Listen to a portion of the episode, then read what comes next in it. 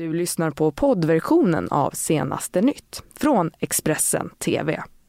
Mm, vi säger god morgon och välkomna till Senaste nytt. Det har blivit onsdag, en bit in på veckan alltså och det är sista juli. Sommaren går fort, man får ta tillvara på alla dagar som går. Jag heter Johanna Gräns. Jag heter Karina Segura Morberg och det här är våra huvudrubriker. Nordkorea har avfyrat flera projektiler i natt, vilket är andra gången inom loppet av en vecka. Sjukvård, ja det var ett huvudämne när Demokraternas kandidater möttes för debatt i Detroit. Och så sammanfattar vi den första dagen i rättegången mot ASAP Rocky. Men vi ska börja här hemma i eh, Sverige då. En person har blivit skjuten genom ett fönster i Karlstad. Den skadade har förts till sjukhus men skadeläget ja, det är ännu oklart. Händelsen ja, den sker bara ett dygn efter att en annan person skadats efter att ha blivit skjuten på ett liknande sätt. Mm, polisen utreder nu om det finns något samband mellan de här händelserna. Platsen är avspärrad för teknisk undersökning och polisen kommer att genomföra dörrknackning och vittnesförhör och den här händelsen den rubriceras som försök till mord. Så är det. Sent igår kväll, eh, svensk tid, så kom det uppgifter om att Nordkorea avfyrat ett flertal projektiler. Nyheten kommer bara en vecka efter att landet senast genomfört missiltester. Det här trots Donald Trumps eh, tidigare intyganden om att diktaturen är på väg mot en fredligare väg. We've developed a great relationship. Uh, I really think that if you go back two and a half years and you look at what was going on prior to my becoming president, it was a very, very bad situation. I juni blev Donald Trump den första sittande amerikanska president att besöka nordkoreansk mark.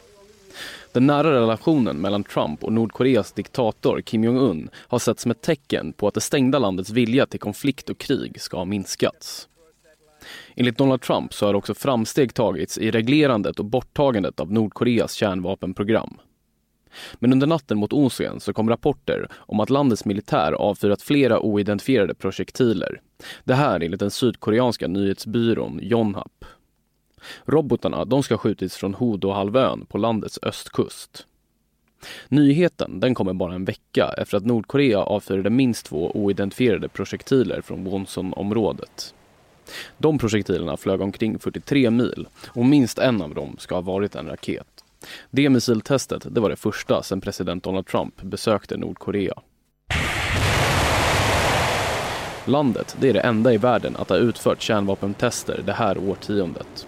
Och utbyggnaden av deras kärnvapenprogram fortsatte under Donald Trumps första år i Vita huset. Nordkorea de har dock valt att pausa testandet av kärnvapen. Det här efter att USA och FN öppnat för att släppa de hårda ekonomiska sanktioner som råder mot landet. Enligt CNBC så har Kim Jong-Un sedan 2011 avfyrat mer än 90 missiler och utfört fyra kärnvapentest.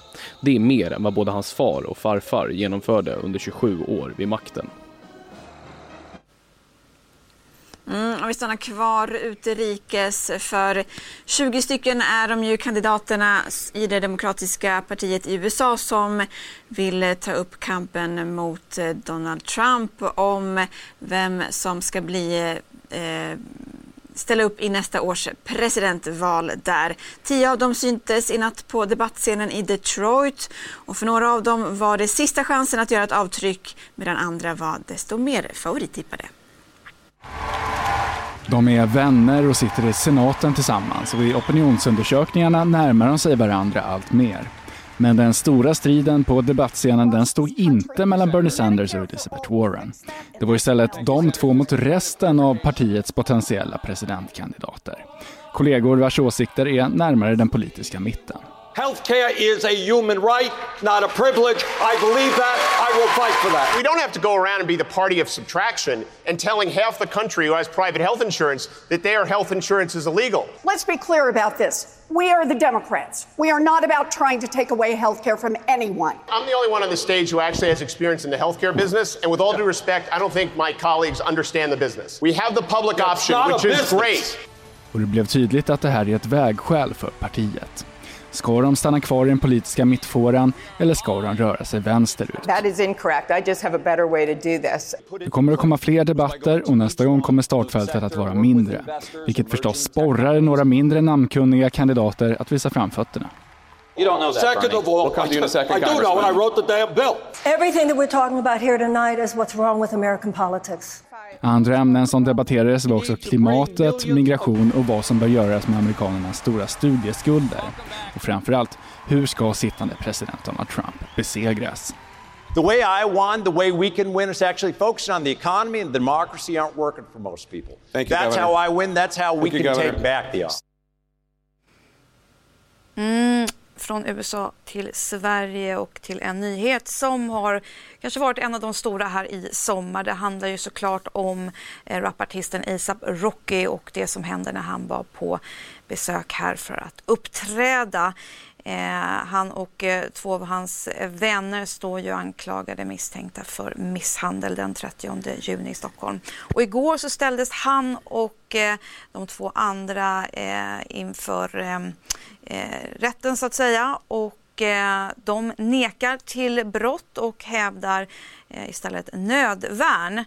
Och eh, målsägande då, den 19-årige eh, man och sin sida, han vill ha 139 700 kronor i skadestånd för sveda och verk och förlorad inkomst. Rakim Meyers förnekar brott och bestrider ansvar. Han gör dock gällande att det här handlandet täcks av nödvärn. Klockan åtta på tisdagsmorgonen så hade en stor folkmassa samlats utanför Stockholms tingsrätts säkerhetssal på Bergsgatan 50. Vid halv nio så anlände ASAP Rockys mamma, Renée Black, för att stötta sin son i rätten. Strax före klockan tio så fördes sen ASAP Rocky själv in i rättssalen. Det här iförd handfängsel och gröna kläder från Kronobergshäktet. ASAP Rocky, eller Rakim Meyer som han egentligen heter, och två av hans vänner står åtalade misstänkta för misshandel under ett gatubråk i Stockholm den 30 juni. Målsägande, det är en 19-årig ensamkommande man från Afghanistan. Under förhandlingens första timme så gick åklagare Daniel Sunesson igenom detaljerna i gatubråket. Han visade filmsekvenser från mobiltelefoner som visar delar av konfrontationen och sen stillbilder på 19-åringens skador efter misshandeln. Den andra delen av tisdagens förhandlingar började med att målsägarbiträdet Magnus Strömberg berättade att 19-åringen totalt har fått sy 13 stygn efter slagsmålet. Därefter så var det ASAP Rockys advokat Slobodan Jovicic tur att visa upp bevismaterial. På övervakningsfilmer från restaurangen Max menar advokaten att man kan se den sekvens som ASAP Rocky upplevde som farlig för sin livvakt. Det jag påstår att Rakim Meyers möts av det är ju den händelse när målsäganden ger sig på hans livvakt. Och utan att lägga någon större värdering i det så kan man ju kanske också fundera på vad man kan få för uppfattningar av en situation när någon på ett så pass våldsamt sätt ger sig på en person av den här livvaktens storlek. Martin Persson, advokat till en annan åtalad, menar att ASAP Rockys situation är utsatt och att det är därför han har med sig en livvakt. Och att händelsen därför måste ses i ljuset av att rapparen och hans sällskap kan uppleva sig som hotade. Det är så att Rakim, eller ASAP Rocky som han så kallas, är en känd person. Det finns personer som vill honom väldigt väl, naturligtvis, och det finns också personer som vill honom väldigt illa. Precis som andra kända personer, Olof Palme och Anna Lindh och så vidare. En stor del av tisdagens förhandlingar handlade om huruvida en glasflaska varit inblandad i misshandeln. 19-åringen, han sa i rätten att han blivit slagen bakifrån med flaskan. Medan försvaret menar att flaskan, den låg på marken och att ASAP Rocky av en händelse trampat på den i samband med bråket. De filmer som visades upp under tisdagen, de kommer att få en viktig roll enligt Expressens krimkrönikör Fredrik Sjöshult. Men också frågan om nödvärn kommer vara intressant för om Rocky Meyers och hans kompisar döms eller inte. Jag skulle säga att filmerna är ju väldigt viktiga och jag tror att de kommer bli avgörande för om, eh, om de åtalade kommer dömas för de här brotten. De visar ju då enligt åklagaren att, eh, ska visa att det här handlar inte om någon nödvärnssituation och också då att det handlar om våld som, som utövades när, när målsäganden låg ner på marken. Det var både sparkar och slag då som ska riktas mot honom. När tisdagens förhandlingar var slut kallade Slobodan Jovicic till presskonferens. Och advokaten han sa bland annat att ASAP Rocky och han var nöjda med hur dagen gått. Han är otroligt ledsen över att den här personen inte bara kunde lägga av och låta dem gå sin väg. Utifrån hans upplevelse att han ryckte in när han ansåg att hans livvakt var under attack. Så han står för det. Förhandlingarna i säkerhetssalen i Stockholms tingsrätt de återupptas klockan nio på torsdag. Tack för idag allihopa. Hej då!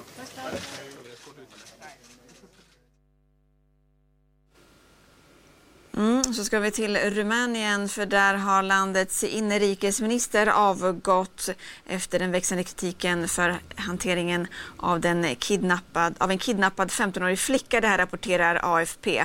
Flickan fördes bort när hon skulle lifta hem i förra veckan och larmade polisen flera gånger.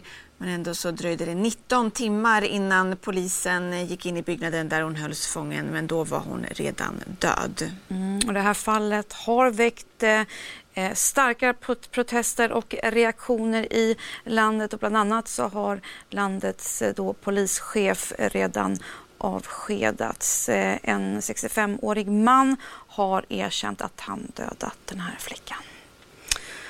Ja, eh, det var eh, några av våra nyheter. Vill ni ha mer? Ja, då går ni in på Expressen.se. Du har lyssnat på poddversionen av Senaste nytt från Expressen TV. Ansvarig utgivare är Thomas Mattsson. Ett poddtips från Podplay. I fallen jag aldrig glömmer djupdyker Hasse Aro i arbetet bakom några av Sveriges mest uppseendeväckande brottsutredningar går vi in med hemlig telefonavlyssning och, och då upplever vi att vi får en total förändring av hans beteende. Vad är det som händer nu? Vem är det som läcker? Och så säger han att jag är kriminell, jag har varit kriminell i hela mitt liv men att mörda ett barn, där går min gräns. Nya säsongen av Fallen jag aldrig glömmer på Podplay.